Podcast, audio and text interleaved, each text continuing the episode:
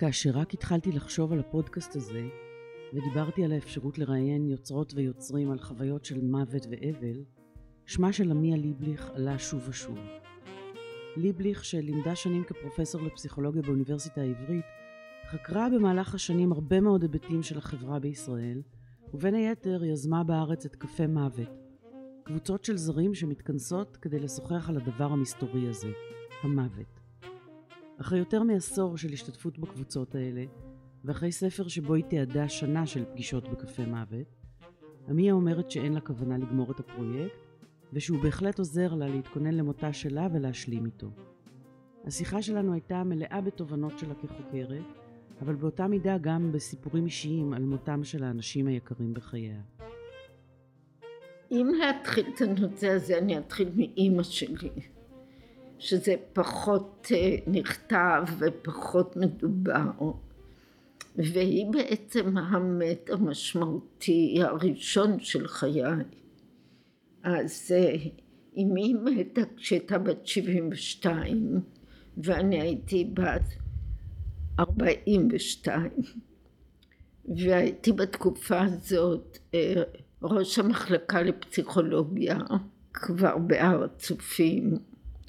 באוניברסיטה העברית, כן. באוניברסיטה העברית. ואני זוכרת שאני יושבת בחדר של ראש המחלקה וסמוך אליי יושבות מזכירות ואני שומעת את אחת המזכירות מרימה טלפון ואומרת סליחה דוקטור מים ואני חושבת איזה מטומטמת יש מישהו שקוראים לו דוקטור מים אחרי כמה דקות בעלי שהיה במחלקה גם כן פרופסור נכנס אליי לחדר וסוגר את הדלת והוא אומר הרגע צלצל אלינו הנרי שהוא באמת קראו לו הנרי מאי והיא שמעה מים והוא באמת היה רופא אז הוא היה דוקטור ואמר לי בעלי אמר לי הרגע צלצל אלינו הנרי והודיע הודעה קשה ושאלתי את ישראל מה קרה הוא אומר אמא שלך מתה במפתיע? במפתיע לגמרי היא הייתה חולת לב, זאת אומרת עשר שנים לפני זה, בגיל 62, היא קיבלה התקף לב, מה שקראו אז, עוד לא היה אז מקפים ולא היה אז שום דבר, סטנטים וכלום. היא שכבה בבית איזה שבועיים או שלושה, ואחר כך הלכה לעשות עוד פעם אק"ג ואמרו שנשארה צלקת אבל היא בסדר. אה, אני אפילו לא יודעת אם לקחה תרופות, אבל עשר שנים כבר הייתה לה היסטוריה, שפעם היה לה התקף לב שלא הרג אותה, ובגיל 72 היא הייתה פנסיונרית והיא עסקה בהתנדבות בהקמת מעון לנשים מוכות עם ארגוני נשים בירושלים ושם בישיבה שהייתה לנושא הזה עם חברות שלה, היא פתאום אמרו לי נפלה על הפנים ככה וניסו לתת לה עזרה ראשונה והצליחו לקרוא ברחביה בירושלים הרבה רופאים אבל היא מתה במקום. עכשיו המוות של אמי נורא הפתיע אותי? כי עשר שנים אחרי ההתקף לב ההוא כאילו חשבנו היא עברה את זה אז זהו אז היא כבר עברה את זה. כאילו היא כבר תישאר. והיא הייתה סבתא נהדרת לכל הנכדים היו לי יש לי שתי אחיות כל אחת עם ילדים לך כבר היו ילדים אז? כן, גם לי היו כבר, שלושת הילדים שלי היו כבר, אחרון נולד כשהייתי בת ארבעים. אז יש אה, כאילו תחושה לפעמים על ההורה שזה לא יכול לקרות. לא דאגתי לה בקיצור, לא הרגשתי שצריך אה, להתייחס אליה כאילו החיים שלה עוד מעט יסתיימו. יותר מזה אני יכולה להגיד שלפעמים בלילה כשלא יכולתי לישון כמו כל בן אדם שזה קורה לו וכשהייתי שומעת על מות ההורה או האמא או אבא של החבר הזה או של החברה הזאת, אמרתי לעצמי, אני לא יודעת איך אני אשרוד אם אחד בהורים שלי ימות. כאילו ניסיתי לדמיין את המצב הזה, והתחושה שלי הייתה, אני לא יכולה בכלל ללכת לשם. אבל אז כשהיא מתה, זה מהר מאוד נכנס לאיזה מצב נורמלי כזאת של זרימה, של לארגן לוויה ושבעה והמון אנשים שבאים ואבא שלי שנשאר לבד, אבל איכשהו זה בצ'יק צ'אק הפך להיות חלק מהחיים הנורמליים, זאת אומרת המעבר הזה שהוא בתור פנטזיה מראש נראה בלתי עביר לחלוטין, הוא נעשה שגרתי ממש ברגע. פתאום אז היא איננה כבר וצריך לטפל באלף, בית וגימל ובוכים ושומעים המון סיפורים נהדרים שאנשים באים לספר והחיים זורמים. אז אני חושבת שהיום בדיעבד אני יכולה לראות את זה כהתנסות של הנורמליות של המוות למרות שהיא סך הכל הייתה צעירה, עשר שנים יותר צעירה ממני היום, והיא עוד הייתה יכולה לרוות הרבה נחת מהנכדים שלה שגדלים ומגיעים לכל מיני מקומות משמעותיים בחיים. אבל הדבר שאני חושבת נשאר לי זה הנורמליות הזאת, כמו שיש לי אגרטל של פרחים, אתמול הם היו נהדרים, ומחר אני זורקת אותם בזבל, והמחזוריות הזאת, כשלא מדברים עליה כל כך, אלא חיים אותה, היא מאוד מאוד טבעית. זה אבל לא מצמצם את העצב נגיד, או את לא. הגעגועים, לא, או דברים כאלה. אבל זה מנרמל את זה. זאת אומרת, אני חושבת שהפחד מפני המוות אצל אנשים, מוות של יקרים לנו. כן. המוות של עצמנו זה סיפור קצת אחר, אבל הוא, הוא תמיד נתפס כמו איזה קטסטרופה. עולמית כזאת כן. שתערער את החיים שלנו לגמרי. כך לגמרי חשבתי על מות הוריי שבאמת נפטרו בגיל מאוד מבוגר וגם די בפתאומיות אמנם לא, כן. לא בדעיכה הדרגתית ואני זוכרת את עצמי חושבת שאני בזבזתי קצת זמן בלדאוג מה יהיה.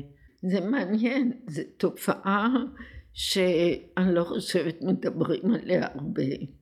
כי התרבות שלנו מתייחסת למוות כמו איזה סוף פרק כל כך דרסטי, כל כך שחור ולבן, ואז את שומעת תרבויות אחרות שמדברות על מחזור החיים ובאמת צמיחה ונבילה וענן שמוריד גשם והחיים שיש להם מעגליות כזו ונדמה לנו שזה בתרבויות ההם. אבל למעשה החוויה האישית שלי אה, מאוד אה, מחזקת את התפיסה הזאת עם העצב ועם העובדה שלפעמים יש באמת ממש טראומות. בכל זאת יש בנו את היכולת לקבל את זה כדבר שהוא מחזורי כדבר שהוא פשוט הצד השני של החיים, זה לא משהו אחר. אז אה, אני הייתי מתחילה פעם דווקא מזה. אבא שלי מת הרבה שנים אחרי אמי, הוא כבר הספיק להתחתן עם אישה אחרת, כי הוא הרגיש שהאלמנות שלו מכבידה על בנותיו. אז הוא בעצם חיפש בת זוג כדי לשחרר אותנו מלהביא לו אוכל כל יום ולדאוג שהבית יהיה מסודר וזה היה באמת אה, מעשה אצילי מצידו אבל הוא גם היה זקוק לחברה ונהנה מהחברה ועוד היו לו עשר שנים עם האישה השנייה וגם הוא מת במפתיע לא בתוך ישיבה אבל בבית הכנסת הוא הלך להתפלל בערב שבת ושם פתאום נפל. אז אני רואה במוות פתאומי גם ברכה גדולה, כי לחיות עם ההידרדרות ועם ההתנוונות. כן, למי שנשאר זה לפעמים קשה לעכל את הפתאומיות הזאת, כי כאילו שום דבר לא הכין אותנו לזה, אבל כשקצת לוקחים צעד לאחור, זה נראה לי ממש ברכה לכל הצדדים. לעצמי אני מאחלת את זה, אני אומרת, אם יש את זה בגנים, אני באמת אה, מאחלת לעצמי למות בלי תהליך של דעיכה וסבל ולהיות עול על האחרים, על הילדים שלי, על... בלוויה זה... של אימא שלי היה מי שאמר שביהדות זה ככה זה צדיקים מתים. כן, מיטת נשיקה אמרו לנו על אבא שלי שמת בערב שבת בבית הכנסת. כן. שזה צדיק גמור. טוב, אני לא יודעת אם אני כל כך צדיקה, ובאמת אין לנו שליטה. עכשיו, המוות האינטימי השלישי של בעלי, שעליו אני כותבת בקפה מוות, כן. זה זה באמת אה, היה אכזרי מדי, כי הוא היה בסך הכל בן 48. הוא מת בצורה מפתיעה לגמרי, בלי שום סימנים מוקדמים, ולא בתאונת דרכים ולא בצה"ל, אלא במיטה שלו מדום לב בלילה. זה באמת אה, הייתה מכת מחץ לכולנו. ויכול להיות שמכאן באה ההתעניינות שלי בקפה מוות, אבל כרגיל אפשר לעשות כל מיני קישורים לאחר המעשה. טוב, כפסיכולוגית את התעניינת בהרבה מאוד נושאים, את כתבת גם ספרים אה, נגישים לקהל בנושאים נכון, שונים. כן, אה, כן. האחרון, אני ראיתי אותך בזום כזה שהיה אחרי הספר על אהבה בגיל מבוגר. רק חיבוק. כן. כן. אני כל פעם מדליקה לי את הלפיד הזה של עניין עצום באיזה נושא לאיזו תקופה של שנתיים בערך שבו אני שנה חוקרת את הנושא ועוד שנה כותבת עליו וזה ממש כמו איזה מרוץ לפידים כזה ש...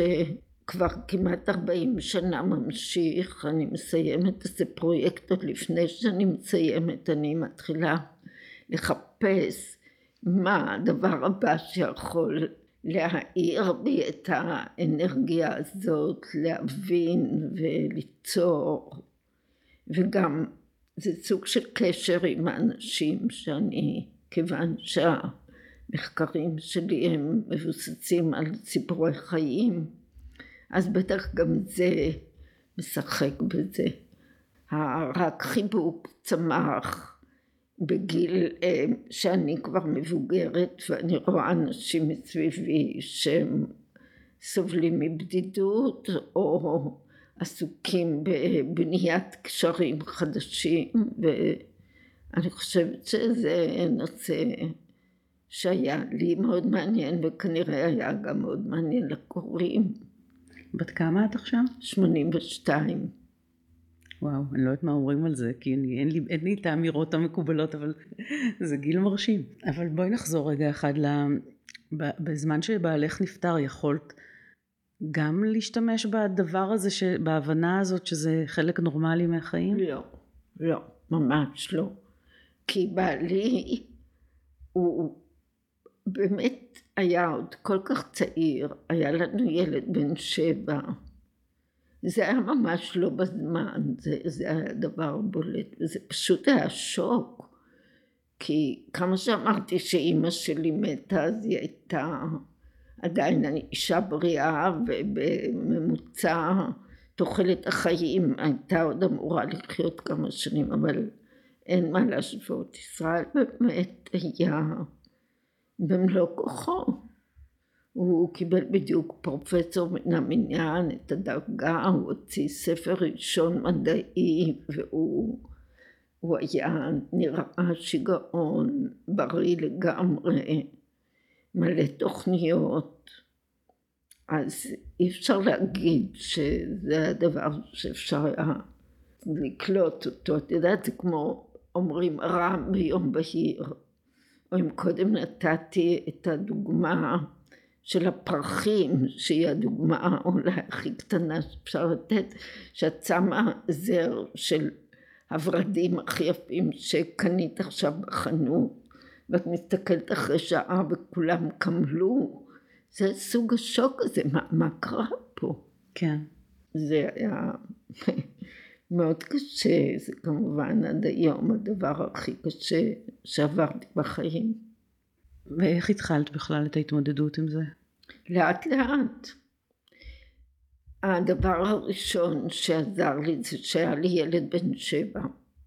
היה ברור לי שלמענו אני צריכה לתפקד, המילה הזאת, שכמה שאני אהיה אבודה מבפנים, אני צריכה בשבילו וגם בשביל שני הילדים הגדולים יותר, אבל בעיקר בשביל הקטן הזה, שהנה הספר שלו שיצא לפני שבוע באמריקה. הוא היום פרופסור. אז הוא היה בן פרופסור למשפטים? משפט בינלאומי וזכויות אדם. ויש לך מוזיקאי אחד? יובל הגדול. אליאב הוא הפרופסור, ומי עוד? מתי הבת שביניהם, שהיא מומחית למיינדפולנס מאוד ידועה בארץ. אבל באמת כשאת שואלת אותי מה, מה הקים אותי על הרגליים, אז דבר ראשון זה אליאב. הזרמתי אליו את כל הכוחות שיכולתי ובזה בניתי את הכוחות שלי בעצמי. והדבר השני זה עבודה. בדיוק לפני שאני, לפני שבעלי מת, קיבלתי מינוי להיות דקן הסטודנטים של האוניברסיטה העברית שהיו בה אז 18 אלף סטודנטים וזה תפקיד מהתפקיד השני או השלישי בחשיבותו בסולם הדרגות באוניברסיטה. זה היה כבוד גדול, משכורת טובה, מחויבות גדולה. אז הסכמתי לקבל את התפקיד אז קרה מה שקרה. וכשישבתי שבעה בבית בירושלים בתור אישה דתייה למחצה ישבתי ממש על הארץ עם איזה כרית אז הגיע נשיא האוניברסיטה והרקטור שניהם לא בחיים היום הם באו לביקור ניחומים והנשיא של האוניברסיטה שקראו לו פטנקין גחן ככה על הרצפה לידי ואמר לי באוזן אם את תרצי לבטל את המינוי שקיבלת, אנחנו נראה את זה, נבין אותך. אבל אישית אני מייעץ לך לבוא לקח את התפקיד כי זה ישקם אותך. ברגע שהוא אמר את זה אני לא חשבתי שזה בכלל עובר לי את הסף של האוזן אבל כשקמתי מהשבעה זה הלך איתי הדבר הזה כן. ולא לא דחיתי את המינוי, זאת אומרת לא עשיתי את הצעד של לקחת חזרה כאילו את הכדור. ואני זוכרת היטב שביום שקמתי מהשבעה אחרי שהלכנו לבית הקברות או יום אחרי זה אני בירושלים ואני הולכת ברגל לבנק עוד לא היו כספומטים צריך להוציא כסף צריך... ואני הולכת ברחוב ומולי הולך פסיכיאטר ידוע שידע היטב מי אני ושהוא רואה אותי מרחוק הוא עושה איזה איגוף והולך ולא אומר לי שלום.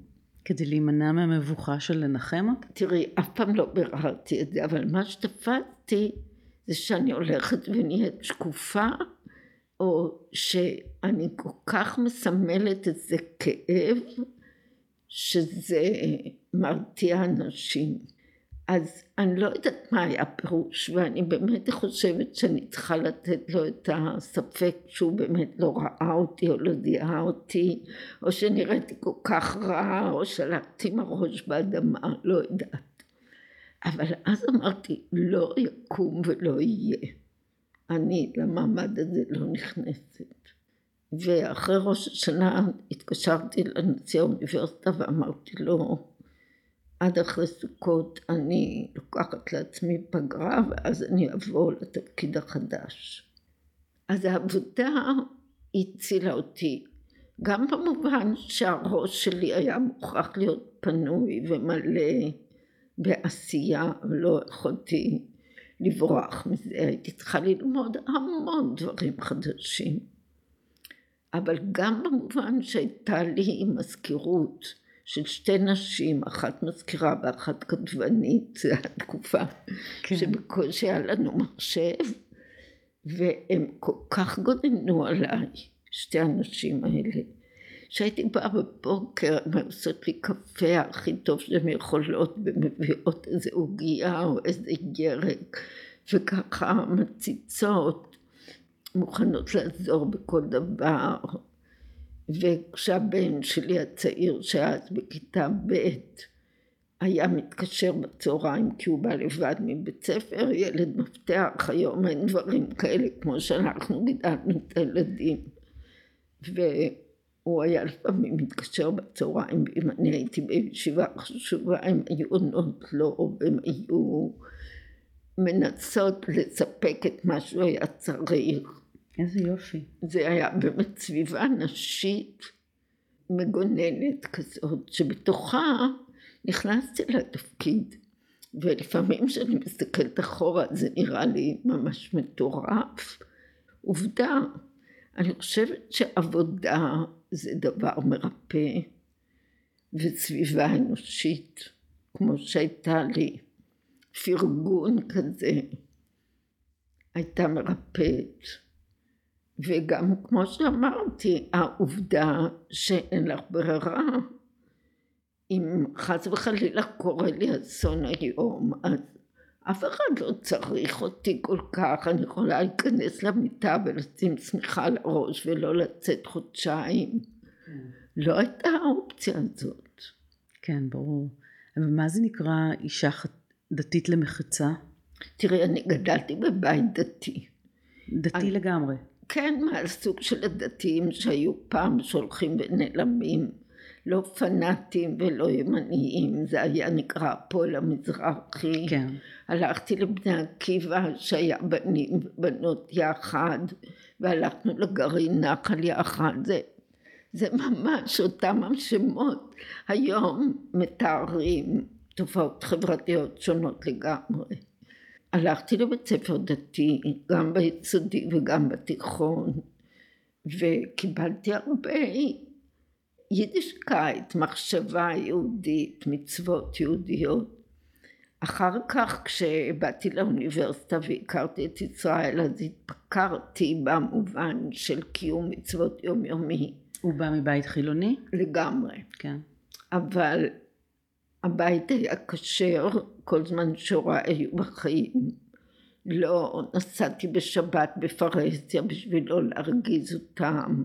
הידע שצברתי הוא עד היום מאוד מאוד חשוב לי. נשאר גם משהו מאיזה אמונה או מדבר כן, כזה? כן, יש סוג של אמונה בכוח עליון, בטוב שבעולם, ויש הרבה סנטימנט. שאני מרגישה שאני מחבבת יהדות, אני אוהבת את התורה, למרות שיש כמובן פרקים שמקוממים אותי. כן. אני, אני שייכת, אני בהחלט מרגישה שייכות. כן. ואז כשהתחלת עבודה חדשה ומאוד uh, תובענית, היה איזה זמן שפתאום אמרת לעצמך שאת מרגישה שמשהו השתנה? זה עבר בהדרגה למצב פחות ופחות מעיק, ואז אחרי איזה שנה או שנה וחצי הכרתי מישהו שאומנם אף פעם לא נכנס לנעליים של בעלי, אבל הוא היה חבר, זה הביטוי שהשתמשנו. כן. הרבה שנים לא גרנו יחד.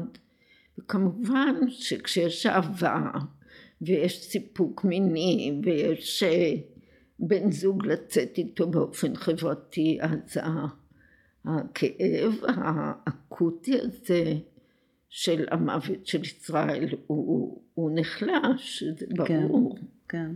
תמיד הוא היה חסר ותמיד ידענו כמה שהוא הפסיד, משהו לא ראה שמתפתח, אפילו בתחום שלו הוא היה חוקר מוח. אבל כשהוא עבד עוד לא היה MRI ו-FMRI וכל ה, כל הטכנולוגיה הזאת של להסתכל פנימה. אז הכל היה משוער, ועשו ניתוחים בבעלי חיות, בעלי חיים. כן. עם אלקטרודות נכנסו למוח באזורים מסוימים. היום זה טירוף, כי אפשר פשוט להכניס את החולדה או את הקוף או את הבן אדם למכונת אה, MRI ולראות שם מה הולך. כן. אז הרבה פעמים דווקא בתחום המדעי, כשהייתי קוראת מה שקולגות שלנו עשו, הרגשתי וואי, מה הוא היה אומר ואיך הוא היה חוגג על הטכנולוגיות האלה. אז הנושא הזה של ההיעדר שלו נשאר, אבל אפשר להגיד שהכאב הוא אותו הכאב, זה כן, יהיה בלוף. כן, והרגשת איזה צורך לשמר את הנוכחות שלו, את הזכרת קודם פשוט שהיה לכם ילד מאוד קטן, נכון. שמן הסתם בגיל כזה קל מאוד לשכוח. אני חושבת ששמרתי על הנוכחות שלו. הילדים שלי חושבים פחות. זאת אומרת, הילדים שלי הגדולים, כולם גדולים היום, כשאנחנו פותחים את הנושא הזה, לפעמים אומרים לי, אמא, את לא דיברת עליו הרבה. אז אני לא רציתי להרחיב להם ולא, אבל כאילו אם היו שואלים אותי בתור אישה משכילה פסיכולוגית, הייתי אומרת, בטח אני שומרת על הנוחות שלו בבית, אני מדברת עליו, אבל זה אפשר היה יותר, אפשר היה יותר. אני, אני לא יכולה לכעוס על עמיה הזאת הצעירה בת 42 שנפל עליה כזה אסון. כמובן, כן. אבל אני חושבת שהיה אפשר להחזיק את הדמות של ישראל יותר בחיים של הילדים שלי ממה שכנראה עשיתי. גם בגלל שהיה לי חבר אחר כך, אבל לא רק בגלל זה, באמת איכשהו חייתי בתודעה קצת אה, ילדותית, לא פסיכולוגית, שמה שלא מזכירים אותו זה פחות כואב. באותה תקופה את גם טיפלת? לא, אני אף פעם לא טיפלתי כמעט. אה, חשבתי שהקבוצה של קפה מוות נולדה מזה. לא. אני גמרתי דוקטורט בפסיכולוגיה מחקרית טהורה. ואז נסענו לפוסט דוקטורט בעלי ואני בלוס אנג'לס ואני הרגשתי שאיזה מין פסיכולוגית אני שאני לא, לא למדתי תרפיה ולא פתולוגיה ולא כל הנושאים שבשכל היומיומי חושבים שזה פסיכולוגיה. אז בפוסט דוקטורט שלי התחלתי באיזו התנסות של טיפול קבוצתי שקראו לזה תרפיית הגשטלט. כאילו קפצתי כמה וכמה כיתות, כי אף פעם לא למדתי את זה באופן שיטתי. כן. אבל זה תפס אותי, וכשחזרתי ארצה, זה היה בשנת 1970, התחלתי באוניברסיטה העברית במסגרת החובות של ההוראה של אדם במשרה שלמה לתת משהו על טיפול קבוצתי ועשינו את זה בדרך של התנצות. כן. אז כל שנה הייתה לי קבוצה של סטודנטים שידעו שהם לא ילמדו דרך קריאה בספרים אלא ילמדו דרך החוויה שלנו ביחד. ואז במסגרת הביחד את גם נחשפת או שכמנחה את לא... לא, אוקיי. לא, אני המנחה. ואז כתבתי את הספר הראשון שלי שנקרא חיילי בדיל על חוף ירושלים. על פי הרשימות שרשמתי, פעם גם הייתה לי צופה שרשמה שנה אחת מה שמתרחש בקבוצה, שאני המנחה והם המשתתפים בקבוצה, והספר הזה עסק בהופעה של המלחמה ושל הישראליות בתוך העבודה של אנשים על ההתפתחות האישית שלהם. כך שיצא שהיה לי חומר מ-1970 והוא המשיך כל שנה להתאסף, לא כתבתי את זה אז, ואז פרצה מלחמת יום כיפור, פתאום ראיתי בתוך הקבוצות הקטנות האלה את ההשפעה של מלחמת יום כיפור. בשנת 76 אספתי את כל החומר הזה, כתבתי ספר שבו בעצם אני מתפקדת כמי שמנחה את הקבוצות ומתעדת מה שקרה. אבל אף פעם לא הייתי מטפלת, יש לי אה, רישיון כי עשיתי את כל מה שצריך בשביל התמחות, אבל לא רציתי להיות מטפלת. גם לא במסגרת קפה מוות אם ככה. לא, קפה מוות זה בהחלט לא טיפולי. אז בואי תספרי לי מה זה ואיך זה נולד. אה, טוב, אני, אני קוראת את עיתון הארץ, ובוקר אחד בשנת 2013 אני רואה מאחורה בעיתון באיזה מדור שמביא כל מיני ידיעות מדעיות לציבור הרחב. אה, כבר לא עמוק באדמה, קפה מוות נפתח באירופה או משהו באנגליה או בשוויץ וקראתי את זה. ושם היה כתוב שיש איזה מיזם באירופה שאנשים זרים נפגשים בבית קפה פעם אחת לשיחה על מותנו, לא על שכול ועל אובדן ועל אבל, אלא על המוות שלי בעצמי. אז קראתי את זה, זה לא נתן לי מנוח, אמרתי, אני הייתי רוצה להשתתף בדבר כזה. הייתי אז כבר בת שבעים ומשהו, ונורא היה מעניין לי להתמודד עם איזה קבוצה של אנשים שנדבר על העובדה שאנחנו עצמנו הולכים למות על הסופיות של החיים.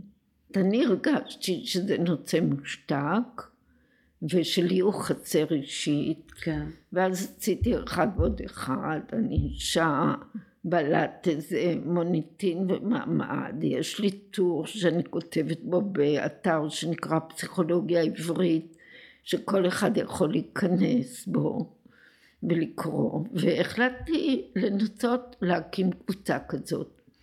אז ישבתי בבוקר וכתבתי בפסיכולוגיה עברית יש דבר כזה קפה מוות ואני מזמינה אנשים שזה מעניין אותם לבוא אליי הביתה ואני עושה כמה שינויים מהפורמט הזה שהיה בעיתון. א' זה לא חד פעמי זה לכל השנה.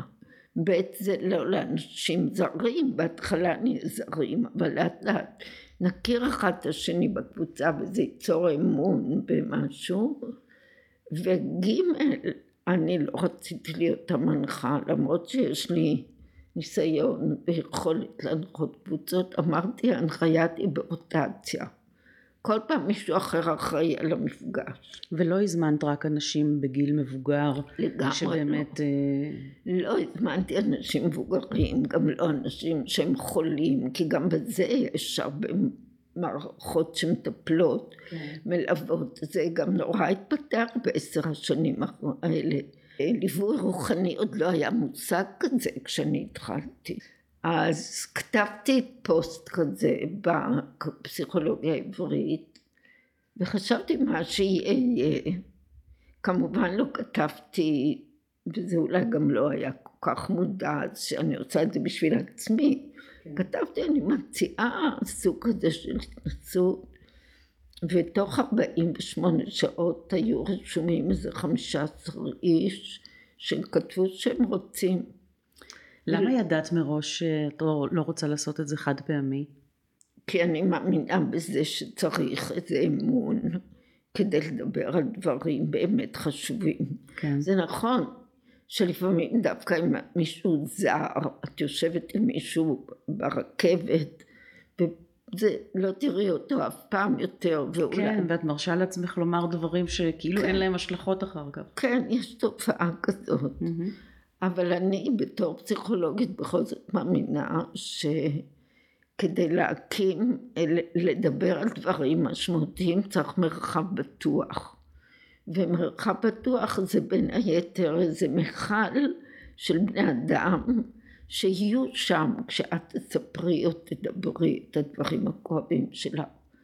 אני לא אומרת שבין זרים זה לא הולך, ואם תחפשי בגוגל, גם בארץ יש היום לפעמים פגישות חד פעמיות כאלה.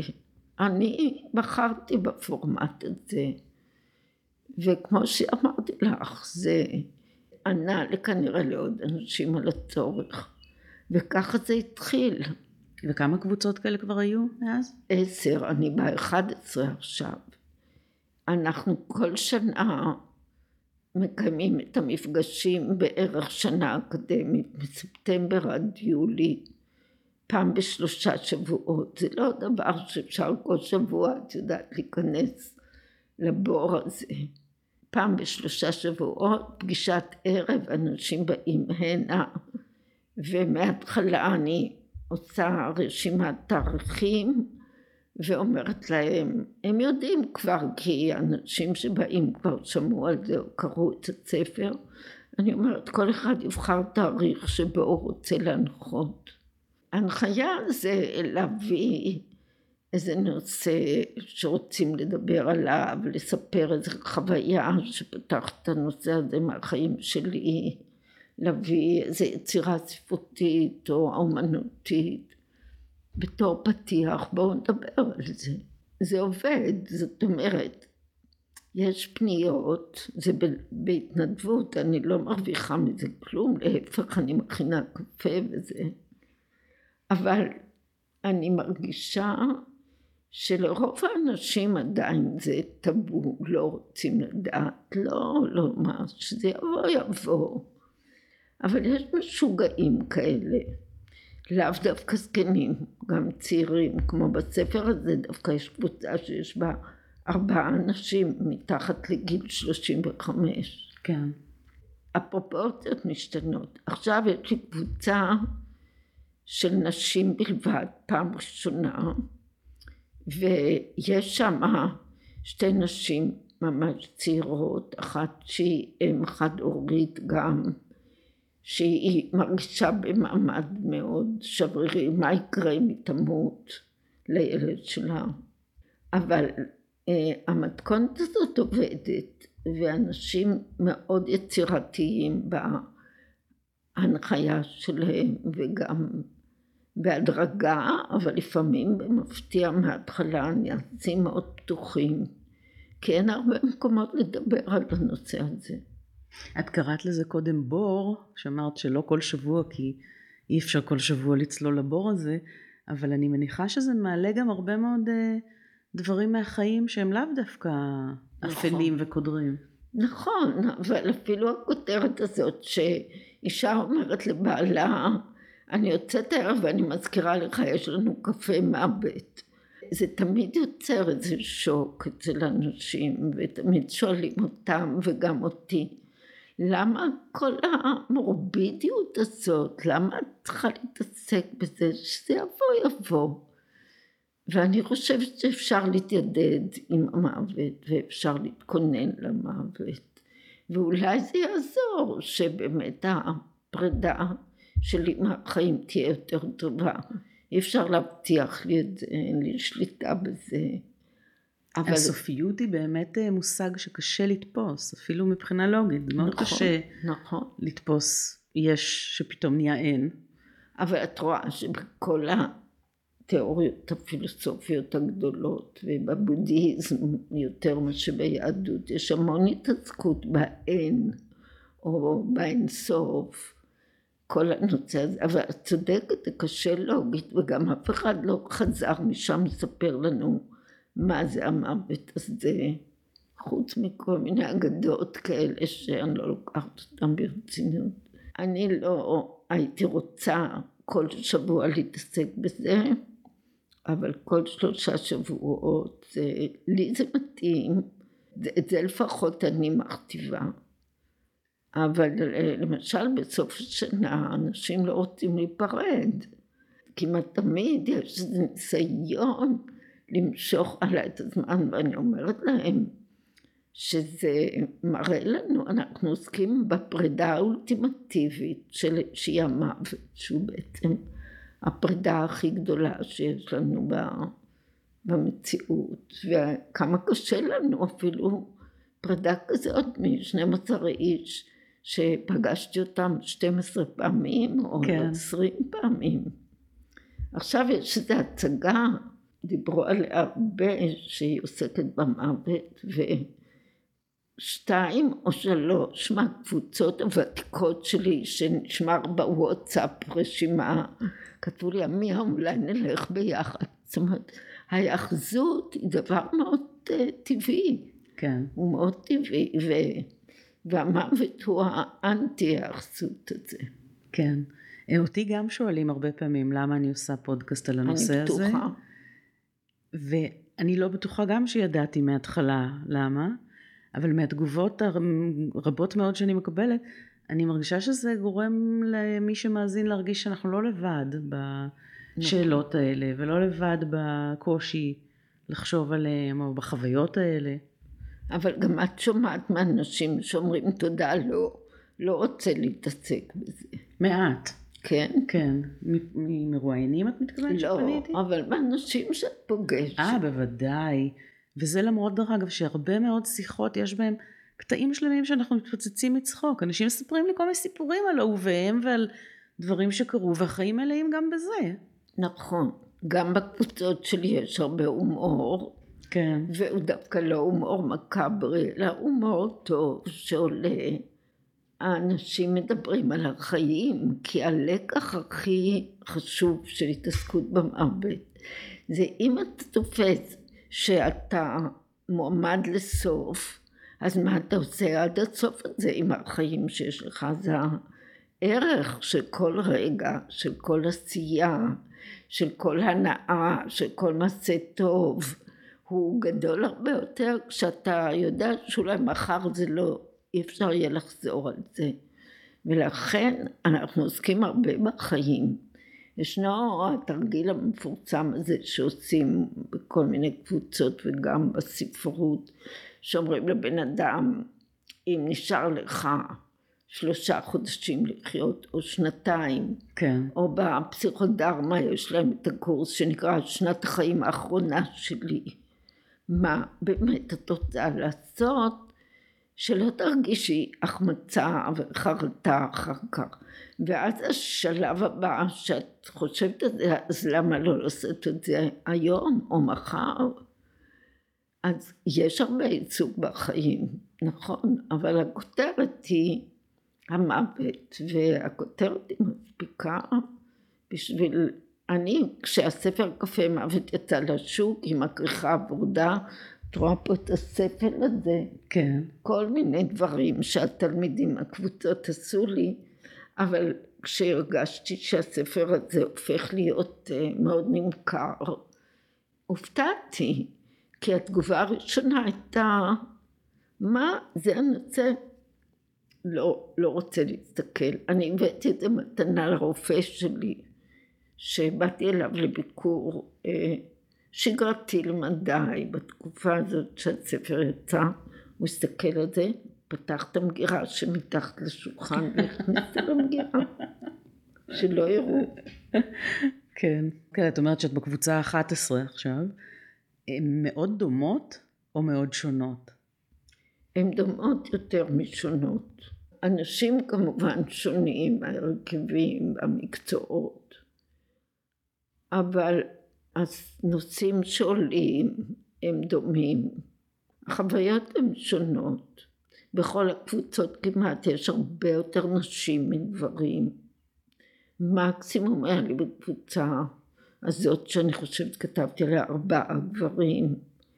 בשנים האחרונות היו שניים, והפעם, כי אני לא הייתי מרכיבה קבוצה עם גבר אחד, כי זה הופך אותו למין תיבה מוקד. לקבל יותר מדי תשומת לב מיוחדת, כן. לטובה ולרעה. אז השנה שראיתי שאין ביקוש לגברים, אין פנייה של גברים, החלטתי פעם ראשונה שאני אקים קבוצה של נשים, וזה פועל מאוד דומה. אה, דבר נוסף שהוא דומה זה שיש אחוז לא קטן של אנשי בריאות הנפש שמגיעים. גם בריאות בכלל, רופאים, אחיות, אה, פסיכולוגים, מלווים רוחניים, שזה מקצוע שבאמת בארבע, חמש שנים האחרונות, כל שנה יש לי פה מישהו לפחות. שהם מחפשים כלים או שהם מחפשים מושגים או... הם, הם באים לדבר על עצמם, אבל הם באים גם ללמוד איך עושים את זה כעובדה שמתוך האנשים שהשתתפו לי בקבוצות יש לפחות חמישה שיש להם קבוצות משלהם עכשיו, וזה מבורך בעיניי. אז אנשי המקצוע גם באים, גם, גם זה מקובל במקצועות הטיפוליים שהולכים ל... כן. לשמור על הגחלת, להתפתח, להסתכל על עצמי, כי זה נורא חשוב בתור מטפלת. אז זה דבר אחד, יותר נשים, יותר אנשי בריאות הנפש. ויותר אנשים מבוגרים. אף פעם לא היו לי אנשים ממש חולים בעצמם, חוץ מבקורונה, הייתה לי בקבוצה שהייתה בזום אישה חולת פרקינסון. אלמלא הזום היא לא הייתה באה. כן. היא לא הייתה יכולה כבר לעלות לקומה השנייה פה, אבל דווקא בזכות הקורונה והזום היא נכנסה היא מאוד אה, השפיעה על הקבוצה, זאת אומרת לראות אדם שאובייסלי הוא כבר באיזה תהליך דעיכה. כן. כולנו בתהליך דעיכה אבל לא רואים את זה באותה צורה. זה השפיע. אבל... ואיזה נושאים הם מעלים ביוזמתם? חוויות של המוות של ההורים שלהם ומה הם חושבים שזה אומר. על איך הם עצמם רוצים או לא רוצים למות. הנושא של סבל, מניעת סבל, מוות מבחירה, אם אפשר, המוות השוויצרי הזה, אבל מה אפשר בדומה. זה כותרת טובה, המוות השוויצרי. כן. נשמע מותג יוקרתי. זה באמת עולה המון כסף גם. מדברים על ההיבטים החוקיים. על צוואות, על בתי קברות, על החוקים, התקנות של החולה הנוטה למות, של משרד הבריאות, על האפוטרופסות, כל הדברים האלה שאנשים משתפים ורוצים לשמוע מאחרים על הניסיון שלהם או על המחשבות שלהם. חוץ מזה המון עבודה עם אומנות מהסוג שמישהו יכול להביא שיר של לאה גולדברג או של מישהו אחר פחות ידוע שעוסק במוות בסוף החיים ולפתוח בזה אסוציאציות של אנשים. או פעם הייתה אישה שבמקצוע שלה הייתה מטפלת באמנות אז בפעם שהיא נחתה היא באה עם המון מגזינים במספריים והיא אמרה חילקה את זה על הרצפה יש לי למעלה חדר גדול שבו אנחנו יושבים. והיא אמרה כל אחד ידפדף ויחפש דימויים שמזכירים מוות. אז כל אחד גזר דימויים ואחר כך היא הוציאה קרטון גדול ואמרה עכשיו בואו נעשה קולאז' משל כולנו ובנינו איזה סיפור. זה היה עבודה נהדרת עובדה שאני זוכרת אותה פעם אישה אחת הביאה קבוצת גפרורים של גפרורים ארוכים כאלה שיש mm-hmm. בשביל מקטרת או בשביל האח, אני לא יודעת. כן. נתנה לכל אחד גפרור. והיא אמרה שבסבב שנעשה כל אחד ידליק את הגפרור שלו ויש לו זמן לדבר כל זמן שהגפרור בוער. אז ראשית כל אתה צריך לחשוב על מה אתה רוצה בכלל לדבר כשיש לך את הרגע החשוב הבעל הערך הזה. כן. ושנית אתה חווה, או אתה או אני חווה את התופעה שפתאום זה נגמר. את לא יכולה להעריך את הזמן של הגפרור הזה. זאת הייתה פגישה נורא משמעותית. למעשה התרגיל נגמר בערך ב-20 רגע, כי כמה בגפרורים האלה דולקים אחד אחד. אבל אחר כך דיברנו על זה ועל המשמעויות. של כל העניין הזה של ארעיות. ואנשים הביאו את האסוציאציות. בגלל שאני גרה פה הרבה פעמים הים נכנס, הנצחיות של הים, אני מול הים, סיפורים על טביעה בים. כל מי שמשתתף בקבוצות האלה מגיע בגלל איזשהו מפגש עם אה, אובדן? לא, אבל למי אין אובדן? זאת אומרת... לאנשים צעירים או לפעמים אין? אז אנשים צעירים באמת הרבה פעמים באים מתוך איזה חרדה, חרדת מוות, או עבודה מקצועית, אה, שתיים, שני אנשים שהשתתפו בספר אחת הייתה פסיכולוגית שיקומית והשני היה פסיכולוג רפואי, זאת בהתמחות צעירים מאוד שהם באים לבית חולים והם נפגשים במוות כל כך הרבה אז כן. מחזיר אותם לעצמם, זאת אומרת אם הם לא בהדחקה או הכחשה טוטאלית והדרכה שמקבלים בעבודות כאלה היא הרבה פעמים נותנת להם לקחת את זה פנימה, לחשוב על עצמם אז הם הרגישו צורך נוסף לדבר על זה. אני חושבת שכל אחד אה, יש לו אובדן. אני, יש איזה סיפור בודהיסטי שאני הולכת לשבש אותו בטוח, אבל שזה אישה באה אל ה... לא הבודה, אלא אחד מהחכמים הבודהיסטים ואומרת לו אני הולכת למות, אתה יכול לעזור לי באיזה משהו שיאריך לי את החיים. אז הוא אומר, כן, אני רוצה שתלכי ותביאי לי אבן משלושים או מאה משפחות שביקרת, שלא הייתה להם, אה, או שלא היה בהם אובדן, ואז אני אתן לך את הברכה שלי.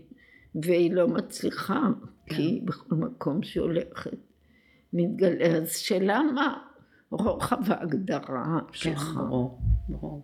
אמרת קודם שאולי אפילו שלא במודע התחלת את כל הפרויקט הזה גם בשביל עצמך. נכון. את מרגישה שזה שינה בך משהו? מאוד, מאוד.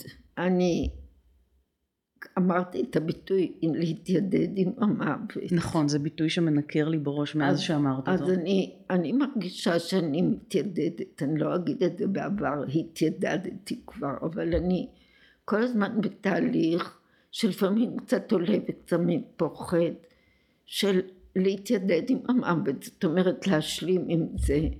באמת אני לא צעירה, אני חייתי מספיק, כתבתי מספיק. מספיק, אני, יש לי משפחה שכמובן הייתי שמחה לראות את הנכדים גדלים ומה הם יהיו וזה יהיה נורא עצוב לא להיות פה.